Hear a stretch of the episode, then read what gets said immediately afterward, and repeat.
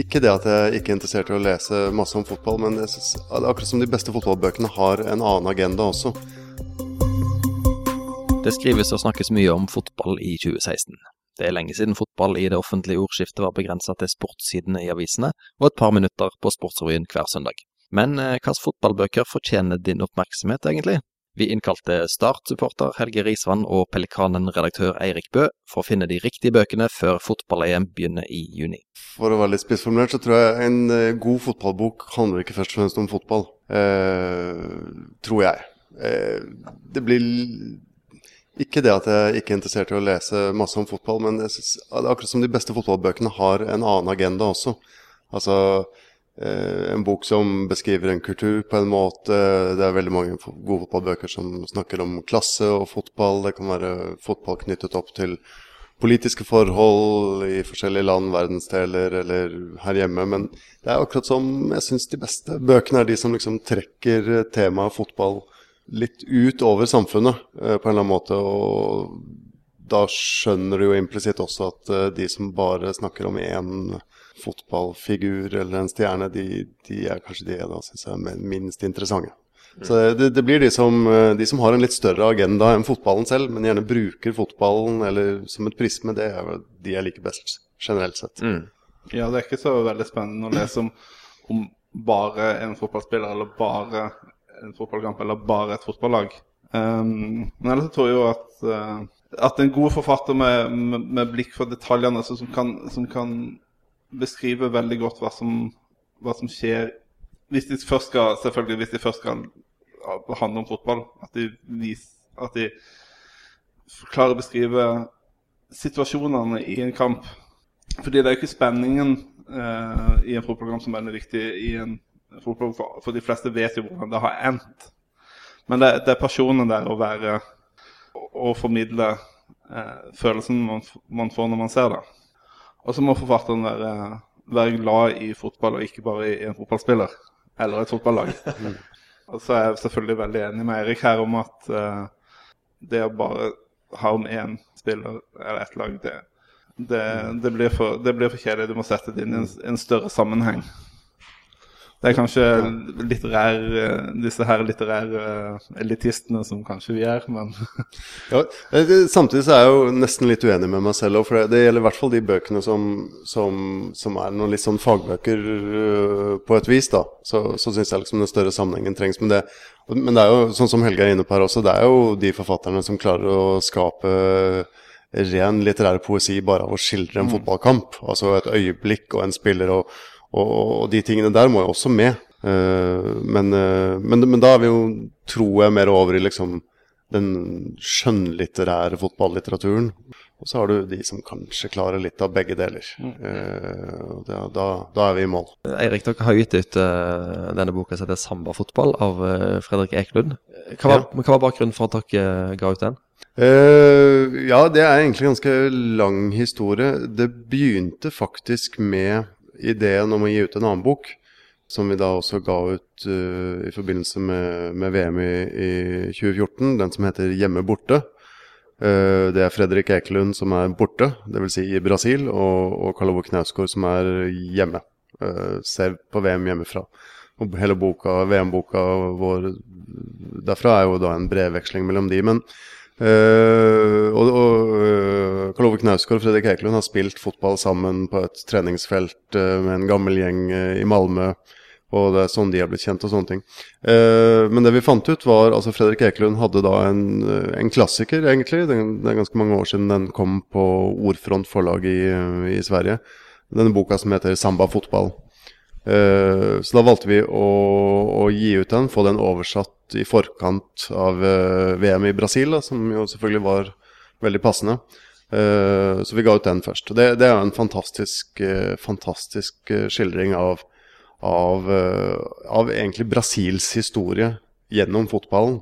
Og det, den, ha, den, boka har det poenget som jeg snakket om. Altså dette, det er egentlig en, en bok som handler like mye om klassekamp i Brasil, om de svarte i Brasil, men det er fortalt gjennom hele fotballhistorien i Brasil fra eh, nederlandske, tyske, engelske industriherrer som kom dit på slutten av 1800-tallet og lagde disse sporting clubs og begynte å spille mot hverandre og sånne ting. Og, og, hvordan fotballen kom til Brasil, helt, helt fram til i dag. da, så vil, det er jo en historiebok uh, i veldig stor grad, og, og med, med sånn sterke politiske uh, perspektiver. Så, så, det var utgangspunktet for det. Så det var jo et oppspark for oss da til VM i Brasil i, i 2014. Så har du en annen bok uh, som jo dessverre for Fredrik har Altså han Bellas, som jo har skrevet mye over det samme temaet, men han er dessverre engelskmann og har fått liksom et internasjonalt gjennombrudd på det. men det er jo en, en bok som er nesten litt for lik, litt for lik, men som har erobret verden da, med, på et litt større og mer tilgjengelig språk. Men mm. skal sammenligne den boka med noen, så er det den boka til Bellos ja. om Brasil. Ja. Når, vi, når, vi, er inne på dette med land og fotballkultur, så vet jeg at du Helge er veldig glad i den som heter Brilliant Orange. Ja. Så vi jo kan gjette hva den handler om. Ja, den handler da om, om, eh, om Nederland og nederlandsk fotball og nederlandsk mentaliteten. Uh, den prøver da altså å se Se uh, det nederlandske samfunnet gjennom, gjennom fotballen. Altså hvordan Hvordan hadde Hvordan påvirka den altså ikke frigjørings, men, men den, den, mer liberaliseringa av det nederlandske samfunn på slutten av 60-tallet og eh, begynnelsen av 1970-tallet. Det var jo da Ajax kom og ble Europas beste fotballag. Og Nederland var jo helt i nær var jo så nærme å vinne VM i 1974. De leder jo mot Tyskland, men tapte til slutt. Mm. Um, og uh, ja, det, hva er koblingen da mellom nederlandsk uh, samfunn og fotballen som spilles i landet? Nei, det Det er jo eh, både, både en sterk lagfølelse, men at man også har anledning til At man, man faktisk får lov til å være en individualist. Um, det beste fra begge verdener, rett og slett? Ja. Og likevel så vinner de ikke så veldig ofte. Nei, men det har, kan ha litt andre Det kan faktisk ha litt med, med den nederlandske mentaliteten, det også. At man, man, alltid føler man er lillebror. og eh, hvis, hvis, du går tilbake til den 74-finalen, så, så skårer jo Nederland eh, etter ett minutt. Tyskland hadde ikke vært nær ballen før den lå i mål. Eh, og eh, i, i resten av første omgang i den kampen så, så, spilte jo Nederland bare for å ydmyke Tyskland. Fordi at dette er første gang de kunne gjøre det og mm. hatt anledning til det. Ja. Og så gikk det jo galt. Ja. Det er jo lett å falle for fristelsen å ydmyke Tyskland. det var det Frankrike gjorde i, i 82 år, i semifinalen, når de leda 3-1 i ekstraomgangene. Og liksom skulle ydmyke det ordentlig. Og så En bør ikke prøve å ydmyke Tyskland, med mindre en har eh, amerikansk militær i ryggen, så bør ja. en ikke prøve det. Jeg tror, altså, I og med at vi er i forkant av EM her nå, det, det er jo en uh, historisk lekse som uh, de som skal spille mot Tyskland, kanskje burde lære seg. Det er jo det at uh, hvis de først leder mot Tyskland, så bør de bli ja, dobbelt så kyniske som bare eh, Italia eller et Mourinho-lag kan være, og ikke falle for den fristelsen og vise ikke, ikke, liksom skulle vise fram at her er det ikke den tyske såkalte maskinfotballen som teller, men mm. uh, prøve å pynte, pynte den uh, bløtkaka. Det, det straffer seg. Leder ikke England nå i den semifinalen i 1990? i, i Italia. Det husker jeg ikke. Det ble, det ble 1-1 og så straffespark, og så vet vi hvordan det gikk. Anyway, eh, vi har jo snakket litt om, om, fotball som har blitt spilt før. Um, det jeg lurer på nå, er jo om eh, YouTube har det på en måte drept litt av fotballbokens funksjon, med at vi kan jo se Jeg kan jo gå og se denne oppsummeringen fra 1974-finalen hvis jeg vil. Mens før så var jo fotballbøkene på en måte en portal inn til en verden som var tapt. Hvis du ikke hadde kjent en fyr som hadde video med dette her, eller sånne ting? Jeg vet ikke. Ikke for min egen del, i hvert fall. Uh, gjerne begge deler. Jeg, jeg må jo innrømme at jeg Altså bare veldig Altfor ofte. Uh, fordi jeg vil inn på nettet og se oppsummeringen av en eller annen kamp eller et eller annet sånt noe. Og så hvis jeg plutselig ender opp i YouTube-karusellen uh, og Det er de rareste ting jeg ender opp med å se. Det begynner plutselig med oppsummeringen av en annen kamp, og så er det plutselig de ti beste målene i i runden eller i Premier League hittil i år, og så er jeg plutselig inne på beste VM-mål i 1974. Altså, ja. så, så, bare ruller det og går. Så begynner lysene ute? Ja, ikke sant. Det, det, er jo farlig. Men jeg tror, jeg tror på en måte aldri fotballitteraturen har hatt den funksjonen. Altså Det er ikke en eh, erstatning. Du går ikke nødvendigvis til fotballitteraturen for å, for å oppleve øyeblikkene mm. eh, om igjen. Eh, det jeg tror nesten tvert imot. Jeg tror uh, YouTube sånn som det fungerer nå, og som har så mye bra arkivmateriale på fotball liggende ute, kan kanskje tvert imot uh, uh, inspirere folk til å plukke opp bøker på tema og på emne, og få lyst til å mm. lese mer om hva det nå skulle være, VM i 82 eller mm. et lag eller en, en skikkelse eller en, et lands historie. Ja. Altså, ja, for fotballbøkene der kan jo være med å sette det inn i en sammenheng igjen. Altså, for det, det, kan bli litt fragmentert når du ser på Ja, det, det er litt sånn som vi snakka om i stad. Altså, fotballbøkenes forse er ikke nødvendigvis uh, kampreferatet. Og mm. YouTube vil jo alltid bare være en framvisning av mm. kamp og øyeblikk. Mm. Eh, vi har vært litt inne på dette med, med selvbiografien. Eh, på forhånd da jeg stil, sendte spørsmål til dere, så spurte jeg om, om fotball, selvbiografien. Er det verdens kjedeligste sjanger, eller finnes det noe bra der i det hele tatt? Altså Kjendisbiografien er jo verdens kjedeligste sjanger. Og det er vel problemet at fotballbiografien er jo ikke noe annet enn det. Det er litt det samme om du plukker opp en bok om Roy Keane eller Tone Damli Aaberget. Det, det, har litt samme funksjonen. Det, jeg har vært på uh, Anfield, uh, Liverpools hjemmebane, én gang, og nå landa Eller hvor den var. Var, det var vel Kom med toget inn forbi eh, Manchester inn til Liverpool, så gikk forbi en kiosk der. Og den kiosken hadde utrolig mye bøker, men det var bare fotballbiografier. Det var selvfølgelig et visst publikum som pleide å gå forbi eh, den kiosken, og der lå jo, lå jo alle disse her som jeg ikke hadde fått med meg eksisterte i det hele tatt. Altså de mest ja. obskure spillerne i både Liverpool og Manchester som plutselig hadde en eller annen ghostwriter som hadde fått skrevet sin bok. Eh, Roy Keane lå jo der også. Den tror jeg kanskje er antagelig en av de mer spennende. men men det var, selv i det humøret jeg var da, så var det ikke et sekund fristende å plukke opp noen av dem. Det... jeg, mistenker vel kanskje at den eh, boka Altså Zlatan har jo blitt en, en uh, egen sjanger. Mm. Men den boka som kom uh, om Pirlo i fjor, den har jeg en mistanke om faktisk uh, er ganske bra. Og jeg har blitt fortalt av flere elskere elsker at det er bra, men det er kanskje du mer å komme med, Helge? Jeg syns den er skikkelig pretensiøs. Er den det, ja? Jeg, den Jeg syns den var skikkelig dårlig. Den, den uh, Man har jo liksom håp uh, når man leser en bok om Pirlo, fordi han er så kre kreativ og er så spennende person. Men uh, det blir så pretensiøst.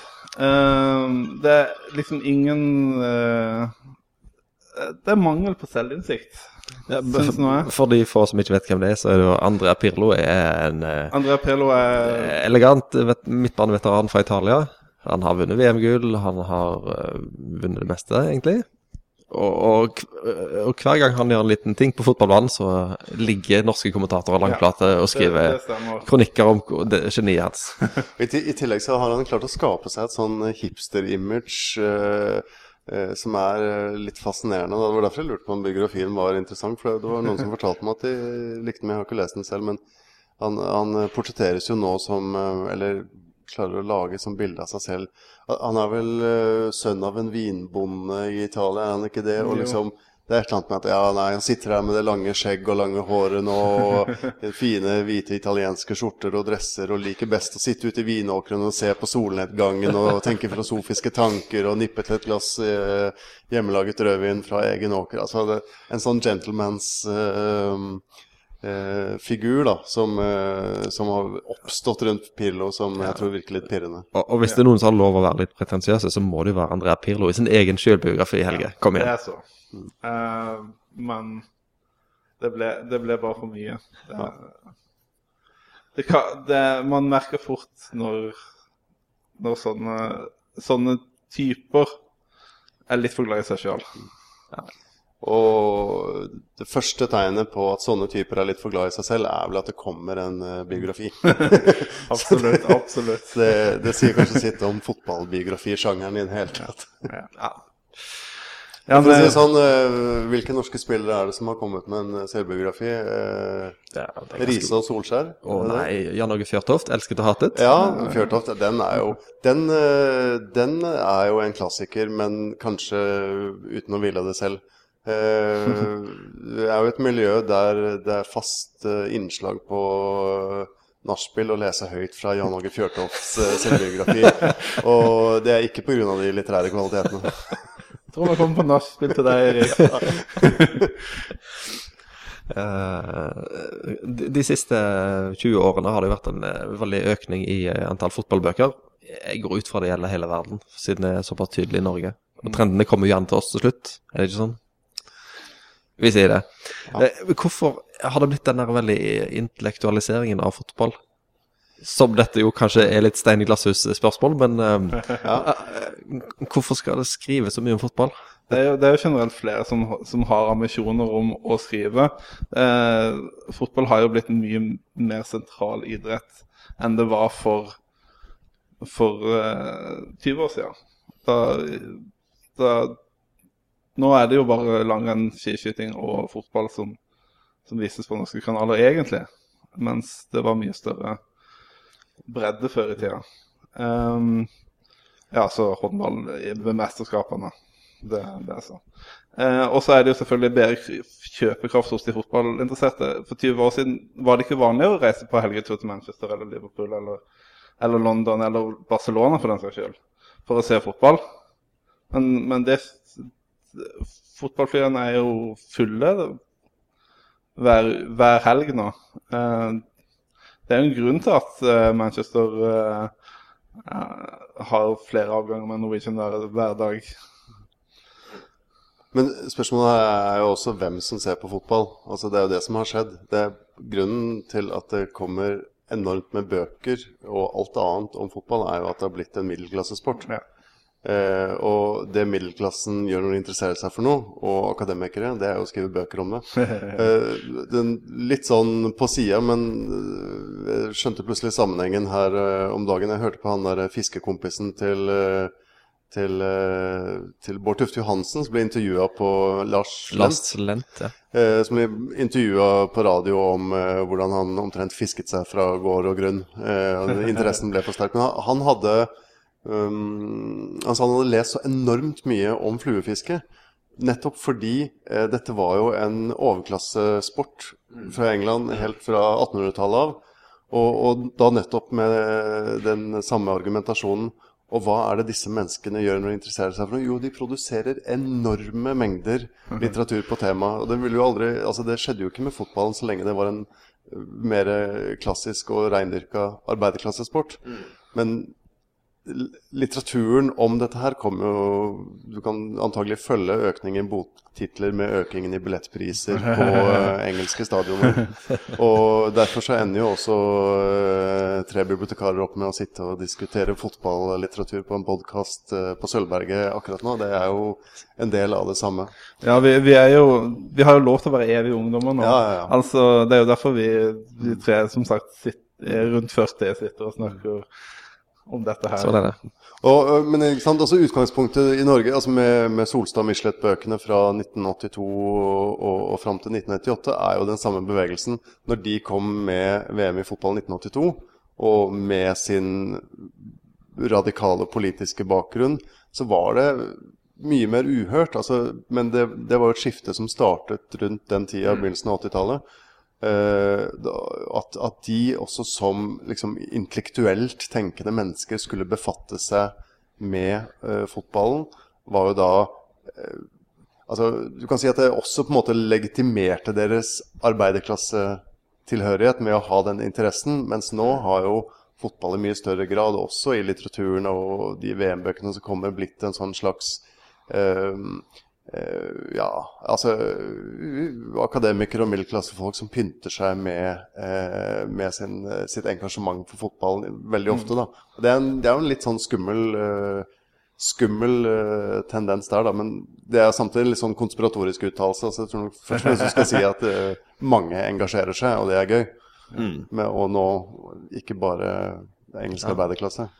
Ja, det er kanskje en del sånne fenomener bare blir omfavnet av middelklassen, som fotball, og mm. Ikke minst det å se på TV. Ja. Som jo var en veldig sånn eh, Hadde lav status da jeg var liten. Å se på TV, det var liksom eh, bortkasta hjernekapasitet. Men nå er det sånn Slik blir du hektet på Game of Thrones. Ja. Som om det var et mål. Sånne dobbeltsider om det i avisene. Ja. Det, er, det, er, klart at, uh, at, at, at, fotballen som en del av, av, av en det, det, som skrives og snakkes om og, og, folk ser på, er jo en del av at populærkulturen i seg selv har blitt omfavnet av hele samfunnet, mm. og ikke bare eh, de såkalt utdannede klasser. Eh, vi, vi var inne på... Da er det jo merkelig at det, eh, det, er såpass få som går på norsk fotball, da. Men det er jo stadig dårligere og dårligere tilskuertall. Når du kan se La Liga og Premier League og ja. alt det der på din egen 85-tommers eh, skjerm i stua, så er det kanskje ikke så rart. Er... Men middelklassen er jo den uh, far og mor og barn som går og skal se på, på, ja, på Vikingstadion. Det er sant, det. Uh, Solstad Michelet, ja, du nevnte det, Eirik. Hvordan står de bøkene seg i dag, egentlig? Når jeg leser litt i de av og til, og jeg ble ikke så imponert som jeg ble da jeg var liten. Hva syns dere? Jeg tror jeg syns de står seg bra, men jeg har kanskje ikke bladd så mye i det, i de, i det siste heller. Uh, og det hadde jo selvfølgelig litt mer nyhetens verdi eh, da de kom, i hvert fall de første bøkene. Eh, 82, 86, 90. Eh, men det er jo etter 90 at ting har eksplodert. Uh, at det har kommet mer uh, andre ting. Jeg liker det jo, men, jeg, altså, jeg, og, men det er klart det, det, har jo med smak og preferanser å gjøre. Og jeg må innrømme at jeg leser Solstad-delene fordi jeg leker, liker Solstad. Og hopper litt der. Han er liksom min mann. Mm Og han kan egentlig snakke om hva han vil, for min del. og jeg syns som regel det er veldig bra. Mm. Så igjen, det er jo eh, smak og behag. Men jeg, syns de holder seg på en, på en eh, Ja, de syns de holder seg godt, rett og slett. De, de, har en egen tone, og så driver de og prøver ut litt nytt land, føler de. Altså, de, de Jeg tror de selv føler, og jeg føler når jeg leser, at de finner liksom på en sjanger. Mm. Uh, og det syns jeg er spennende å lese. Ja. Mm. Nei, jeg har bare lest 94 og 98. For det, var de to, det er de to uh, VM-ene jeg har jeg fulgt med på av de som, han har, de, som de to har, mm. de to har uh, eh, dekka. Og uh, uh, jeg er jo veldig glad i Michelets pasjon for, for spillet. Mm. Um, jo, men, men igjen, det, der er det jo dynamikken mellom de. Ja. Altså, ø, Solstads litt mer ø, anale syn på, ø, på, hvordan verden henger sammen, mot uh, Michelets latinamerikanske engasjement, og hvor han liksom skamløst blander inn all form for politikk og arbeiderklassekonflikt i de respektive landene for å heie på de eller ikke heie på de. Ja. Uh, det, det, er, det, er, det, er, jo sånn fotballarrangementet for, for de fleste er. At, ja, ja, vi henger det jo man, på knagger. Man, man finner en grunn for å ha mm. det. For... Og, og det, var jo litt sånn utgangspunktet vi hadde, den der dynamikken der når vi lagde VM-boka fra uh, eh, 2014 i Brasil med, med Knausgård og Fredrik Ekelund. Der har du jo litt det samme. Og, som det liksom kort beskrevet her på, på vaskeseddelen også. altså Fredrik Ekelund han har lyst til å gå rundt og drikke caipirinhas på Copacabana og spille fotball med de brasilianske strandløvene og, og, og gå på stadion heie på Brasil og vil ha liksom Oyoko Bonito, the, the beautiful game. Eh, og fem-seks kamper, mens eh, Karl Ove Knausgård han, han, foretrekker vel egentlig en 0-0-kamp. Mellom litt trauste motstandere. Så, sant, mm det er en dynamikk mellom de to skrivene der, og det, det finner du jo i Solstad Michelet-bøkene på en veldig fin måte. Ja, The Beautiful Game er jo det fotballen blir kalt. Eh, hvem er det som dere kommer på som har best klart å skildre liksom, det visuelle fotballspillet? Vakkert fotballspill. Uten, Du dropper alle prismegreiene, bare liksom selve fotballens indre Ja, vi, vi må jo gå litt tilbake nå, fordi at eh, Jeg tør jo påstå at uh, The Beautiful Game, det er jo Det er jo veldig få som rep representerer den, den typen spill lenger. Altså, både Brasil og Nederland spiller jo tyskere mer tysk enn Tyskland sjøl. For Tyskland har jo faktisk blitt litt mer kreative og, og sånn.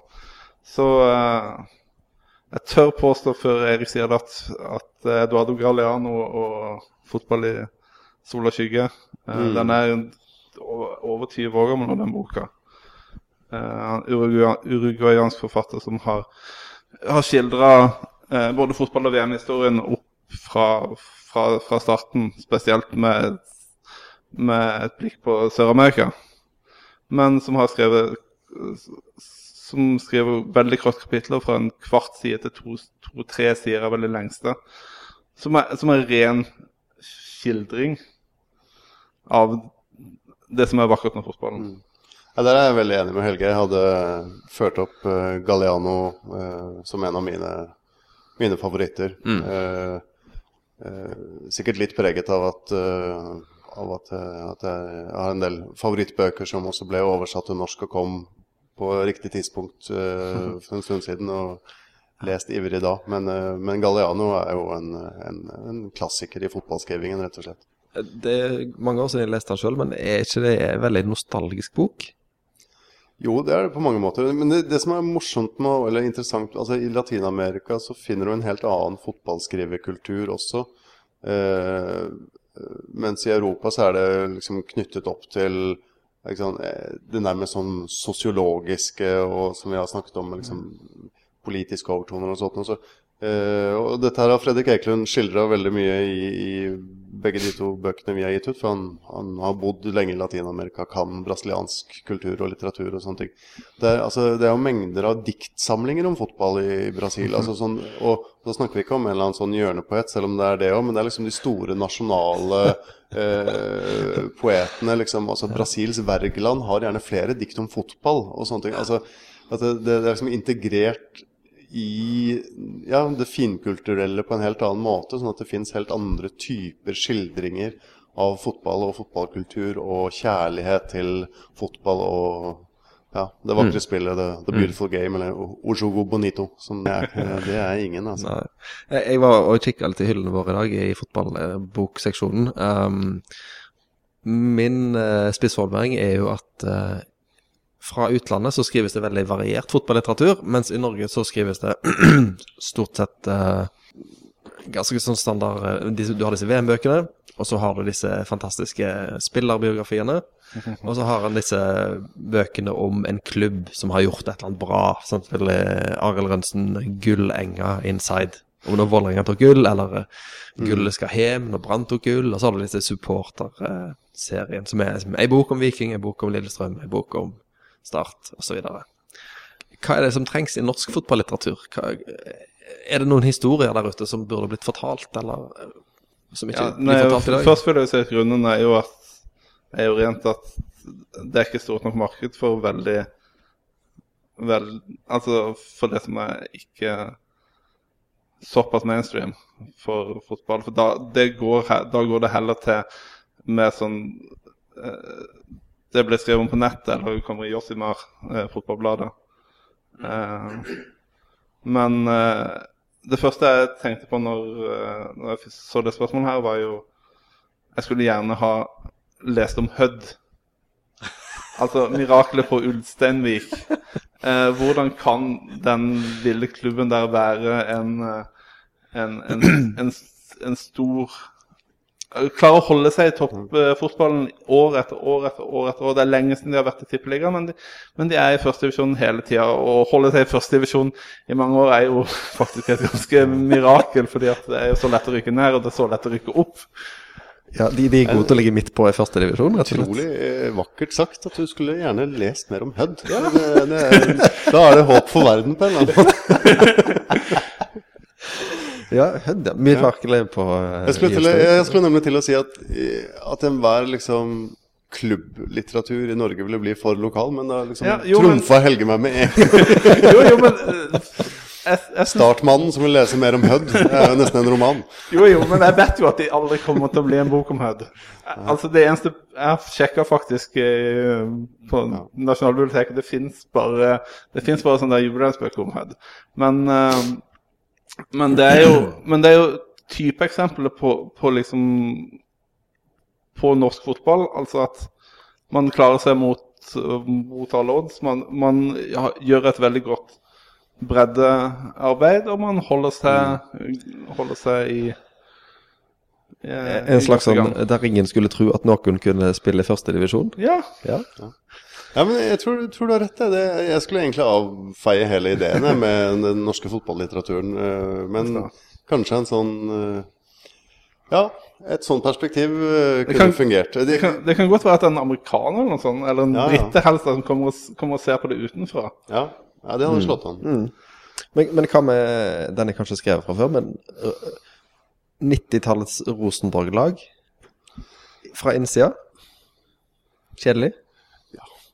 Det er litt sånn god fot, god fot allerede, men eh, Nei, ja, det, ja, der har Men jo Eggen et- Eggen levert egentlig eh, godfotboka si. Ja, Det er sant. Vanskelig å konkurrere jeg har jo, jeg har jo en, en, en eh, bok i det, fotballbok i det som jeg har lansert før, eh, som er eh, Hvorfor var Norge så dårlig på 80-tallet, landslaget? Vi hadde den rekka med utenlandsproffer, og så var vi så forferdelig dårlige eh, i kvalikspill. Mm. Vi hadde liksom Erik Solere, og Herlofsen og Erik Thorstvedt, eh, Rune Bratseth, Anders Giske. Hei, bunch med utenlandsproffer, og så sisteplass. For ikke å snakke om eh, Det var kanskje mer enn 90-tallet, men eh, nye treneren for Nord-Korea, Jørn Andersen. Jørn Andersen så. Ja, helt sant. ja, nei, det er absolutt noe som Nei, altså, Hvis man hadde klart å finne finne et eller annet perspektiv som var litt større og, og tok med seg litt mer av det norske samfunnet på en eller annen måte, så det ville vært interessant. Utover det så tror jeg på en måte klubbkulturen blir for liten, og interessen utenfor liksom den lokale kretsen blir for liten for det meste av norsk fotballitteratur, og i hvert fall eh, eh, selvbiografiene. Eh, blir for eh, vanskelig å lese uten å, å få liksom rykninger i, i øyekroken og munnvikene. Men det som er Hvis du skulle sammenligne med, med altså England, da, som jeg kjenner best eh, Jeg var med å bygge opp en eh, bokhylle på Tronsmo bokhandel i Oslo eh, for en del år siden. Hvor vi var en gjeng som fant ut vi skulle lage en egen fotballbokhylle. Og da ble det jo tråla en del. Og det, det vi fant fram til, var jo bl.a. Altså, i tillegg til liksom, en del av disse klassikerne som man vet om fra før av, med liksom, det latinamerikanske og, og sånne ting, så hadde det i England uh, hadde det i hvert fall oppstått en egen hooligan-litteratur. Uh, som både var skjønnlitterær og, uh, og hva skal vi kalle det, fag, faglitterær. da. Eh, og, det startet litt sånn som du sa, kanskje noen utenfra. Det var jo eh, amerikanske journalisten Bill Buford som kom med klassikeren der eh, i 1990, den som heter 'Among the Thugs'. 'Blant pøbler' ble den faktisk oversatt til på norsk. Og Da hadde han bodd i England under hele 80-tallet og vært med på, på dette liksom 80-tallet i engelsk fotball, som jo det gikk jo virkelig nedenom og hjem, og med hooligan-kulturen, og med ulykkene, og ikke sant, Hillsborough, og hele, hele pakka.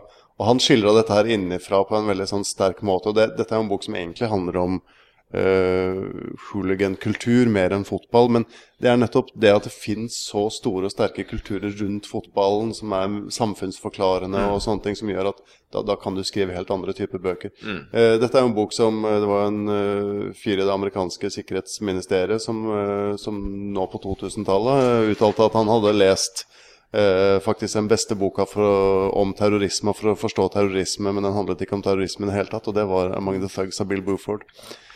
Men, men han kom med den i 1990, og etter det så eksploderte det jo også i England av den typen hooligan-litteratur. Vi fant fram til en fyr som het Doogie Brimson. Eh, høres litt walisisk ut, og det var noe Cardiff-greier der, men jeg tror han er engelskmann og sånn Falklands-veteran eh, som en, han endte opp med å skrive flere og 20 bøker. Eh, som både var sånn altså fotballkrim og skjønnlitterære ting og sånn inside hooligan, eh, men også flere eh, Flest faktisk eh, fagbøker eller reportasjer om engelsk fotballkultur. Og det begynte å grave inn i det, så viste det seg at det var jo et helt annet marked, en helt annen bredde i, i det. Men det er selvfølgelig fordi, fordi denne hooligan-kulturen ble jo en egen uh, ja, ble jo en egen del av samfunnet, ble jo en egen kultur på siden av fotballen. Så du kan si det handler ikke så mye om fotballen, men uh, i Norge så Du har jo ansatser til alt dette i Norge, men det er liksom ikke det er ikke stort nok, og det er ikke viktig nok. Og det, det blir litt på sida av livet, tror jeg på en helt annen måte. Men noe helt annet Hvis det er en bok som burde bli skrevet, som ikke kommer til, kommer til å bli skrevet, skrevet, så er det jo faktisk om, om det laget, bortsett fra, bortsett fra, Rosenborg, som faktisk vinner noe her i, i Norge, og det er jo kvinnelandslaget. Eh, det er jo det er det ingen som skriver noe om. Der har du en suksesshistorie. Ja. Den burde blitt skrevet bare av sånn bare se på medaljestatistikken og årsaker, eller er det fordi det ville vært en spennende historie inni der? Jeg tror det er begge deler. altså fordi at uh, Fremveksten av kvinnefotball, og spesielt i Norge, som var veldig tidlig ute, er en, en, det er en interessant historie. Så er det veldig interessant å se på hvorfor ikke kvinnelandslaget og kvinnefotballen har fått den statusen de fortjener, hvis du f.eks. For sammenligner med kvinnehåndballen. Ja. Altså øh, kvinnefotballen I hvert fall på det tidspunktet hvor også kvinnehåndballen ble allemannseie. Hadde altså, det kvinnelige fotballandslaget hadde jo absolutt like gode resultater. Mm. Nå, nå har nok håndballjentene stukket litt av, men altså, det, vi snakker jo om øh, VM-finaler og OL-seire og EM-finaler og altså jeg mener, Vi gikk jo og maste om bronsejentene eh, i håndballen i mange år, og hele landet eksploderte av interesse. Så det var jo ingen grunn til at ikke kvinnefotballen skulle klare det samme. Men å undersøke hvilke liksom, stengsler som ligger der når det gjelder uh, fotballinteressen, hvorfor det ikke skjedde, det hadde vært interessant. Det er helt sant. Mm. Ok, til slutt har jeg bedt deg komme og plukke tre favorittbøker om fotball. Har vi en liste? Ja, The vote from the Christian Sand jury. jeg har Vi har jo snakket om Galliano allerede, og den har en naturlig plass på, på min liste. Eh, og ha, rett og slett å ha den, den eh, kjærligheten til fotballen som, som Galliano formidler i sine bøker. Eh, du kan jo ta en av dine nå, da. Ja, eh, jeg visste jo at dette spørsmålet kom. eh, og det der eh, velg tre, det er jo alltid drit. Eh, så derfor så har jeg jo smugla tre andre titler inn i ja, denne samtalen her, sånn at vi slipper å snakke om dem. Så kan vi velge tre nye. Rutinert. Veldig rutinert der. Så jeg hadde jo også Galliano, som, som Helge snakket om, og vi snakket jo om Bill Boofer og Magne Thugs. men jeg tror jeg har lyst til å gå til uh, skjønnlitteraturen. Uh, for det skrives jo faktisk innimellom veldig, veldig gode, uh, gode fotballromaner, rett og slett. Eller i hvert fall romaner med fotballtema. og den siste jeg har lest der, som jeg ble helt slått i bakken av, ikke bare fordi den handler om Liverpool og Bill Shankly, og at jeg ligger litt nærmere meg selv, men det er jo faktisk skrevet av en Yorkshire-mann, David Peace. Uh, som har skrevet en som heter uh, Red or Dead. Uh, som, som, er en bok som strengt tatt handler om Bill Shankly. om gamle, legendariske Liverpool jeg, jeg, hadde et, en ambisjon om at vi skulle klare oss gjennom den sendingen uten å nevne dette med berømte sitatet hans. Skal vi klare det? ja. Det skal vi klare. Ja. Jeg kan holde kjeft. Jeg har det på T-skjorta, og det synes jo ikke på radio, men Nei, altså, David Peace han er jo en uh, skjønnlitterær forfatter. Uh, før han begynte å skrive om fotball, så leste jeg Yorkshire-krim han har skrevet. Og han har også skrevet den som heter Damned United, som jo egentlig ligger nærmere hans hjerte. Som er en fantastisk fotballbok om, om, Leeds og om, om Clough, vel. Uh, så jeg anbefaler den like mye, men uh, Red or Dead, eller Rød eller død. Press forlag ga ut både Down United og Red or Dead i forfjor. Fantastiske bøker. Han skriver jo som et uvær. Altså. Det er en, uh, innimellom som har han gjentagelser som trumfer Jon Fosse på en sånn meditativ måte. mens det egentlig suser av gårde som den mest spennende krim, selv om du kan historien på forhånd, så å si. Eh, fantastisk bok. Ja, da kan jo jeg ta bok nummer to jeg har. Da er vi litt tilbake til den kjærligheten, og da trenger det ikke å være de store lagene. Det er Charlie Connolly som har skrevet om Liechtenstein. Eh, om hvordan om hvordan, de, eh, hvordan kvalifiseringa deres til, eh, til, VM i 2002 var. Eh, jeg kan jo røpe at de skåra null mål, og at de, skåret, de slapp inn 30. Men, eh, men eh, den er, det er en sånn typisk eh, bok som, som skildrer mer enn bare, bare, fotballen. Den finner identiteten til dette lille alpelandet. Eh, og hvor, hvordan man faktisk kan gå til, eh, til hver, hver, kamp og vite at dette her kommer ikke til å gå bra, men man gjør sitt beste. Jeg føler vel litt sånn for start akkurat nå, men, men eh, Så jeg bør kanskje lese den her på nytt igjen. Um, og uh, etter å ha lest den, så har jeg faktisk vært i Liechtenstein. Ai, ai. Altså, du, er, du er underdoggens evangelium. Eh, ja. altså, du heier på Start, vil lese om Hødd og anbefaler bøker om Liechtenstein. Ja. Det er veldig vakkert. Ja. Ikke enda en Liverpool-bok, da. nei, nei, På ingen måte. Uh, hvis jeg skal da ha en uh, anbefaling nummer to, så da jeg må ha med en av uh, Solstad Michelet-bøkene. Uh, og da syns jeg VM i 86, hvor de drar til Mexico. Uh, virkelig innimellom på, på Linni Trekrem-måten. Ferra til Mexico. Det tar litt av innimellom. men det syns jeg er en veldig, veldig god bok. veldig god, veldig fine skildringer. og og du føler også at de er, litt, de er jo litt ute selv i uh, varmen i Mexico der. Det er, mm. uh, du får litt sånn den Gonzo-følelsen innimellom uh, alle, de, alle, de, vakre beskrivelsene av, av kampene og, mm. og, og, lagene. Mm.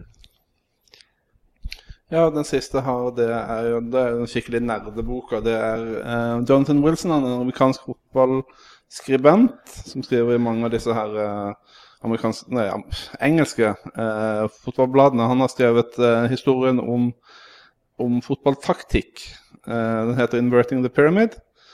Eh, den, eh, den, tar det med helt fra, fra slutten av 1800-tallet, og eh, altså hvor taktikk ikke var noe særlig, til, til de nyvinningene som skjer, har skjedd med jevne mellomrom og sette det i en flott sammenheng og forklare hvorfor det skjedde sånn. Mm. Uh, en fantastisk uh, engelsk journalist som heter Simon Cooper, uh, som også har bæret oss med et forord i en av våre bøker. han skrev en bok for en del år siden som heter 'Soccer Against the Enemy'. How the world's most popular sport starts and stops wars, fuels revolutions and keeps dictators in power. Der har du prismet ditt. Der har du alt på en gang. ja. Men det, først og fremst er Simon Cooper bare en veldig god fotballskribent. Han har skrevet i The Guardian i mange år og flere andre steder. Og, mm. eh, og har et sånn Han kan skrive engasjert og godt om fotball og klare å blande inn alle andre temaer i verden samtidig. Så egentlig enhver bok han kommer med på temaet, er eh, er uh, verdt å lese. Men 'Football Against the Enemy' er en, det er en klassiker i fotballitteraturen. Og den, den, er, den er verdt å begynne på. Ja, det, det er det som er problemet den verden begynner på. Jeg har begynt på den ganske mange ganger. fordi jeg, Den er jo veldig bra, men jeg kommer jo, kommer, av en eller annen grunn har jeg aldri kommet, kommet gjennom den. Jeg aner ikke hvorfor, for den, den er godt skrevet. Det er, det er jo snakk om, uh, om, ting som man vanligvis ikke hører så veldig mye om. I alt maset om, uh, om uh, engelsk fotball og, mm. og Martin Ødegaard og alt sånt. Så jeg må nesten bare prøve en gang til. jeg har den i bokhylla. Ok, eh, Siste spørsmål. Nå skal dere bare svare med ett ord hver. Eh, hvem vinner EM til sommeren? Jeg skal være kjedelig og bare si Tyskland. Belgia. Jeg kan håpe på Belgia, selvfølgelig. Ja, Belgia. Hvem håper du vinner? Jeg, håper, jeg kan godt være med på Belgia. Ja.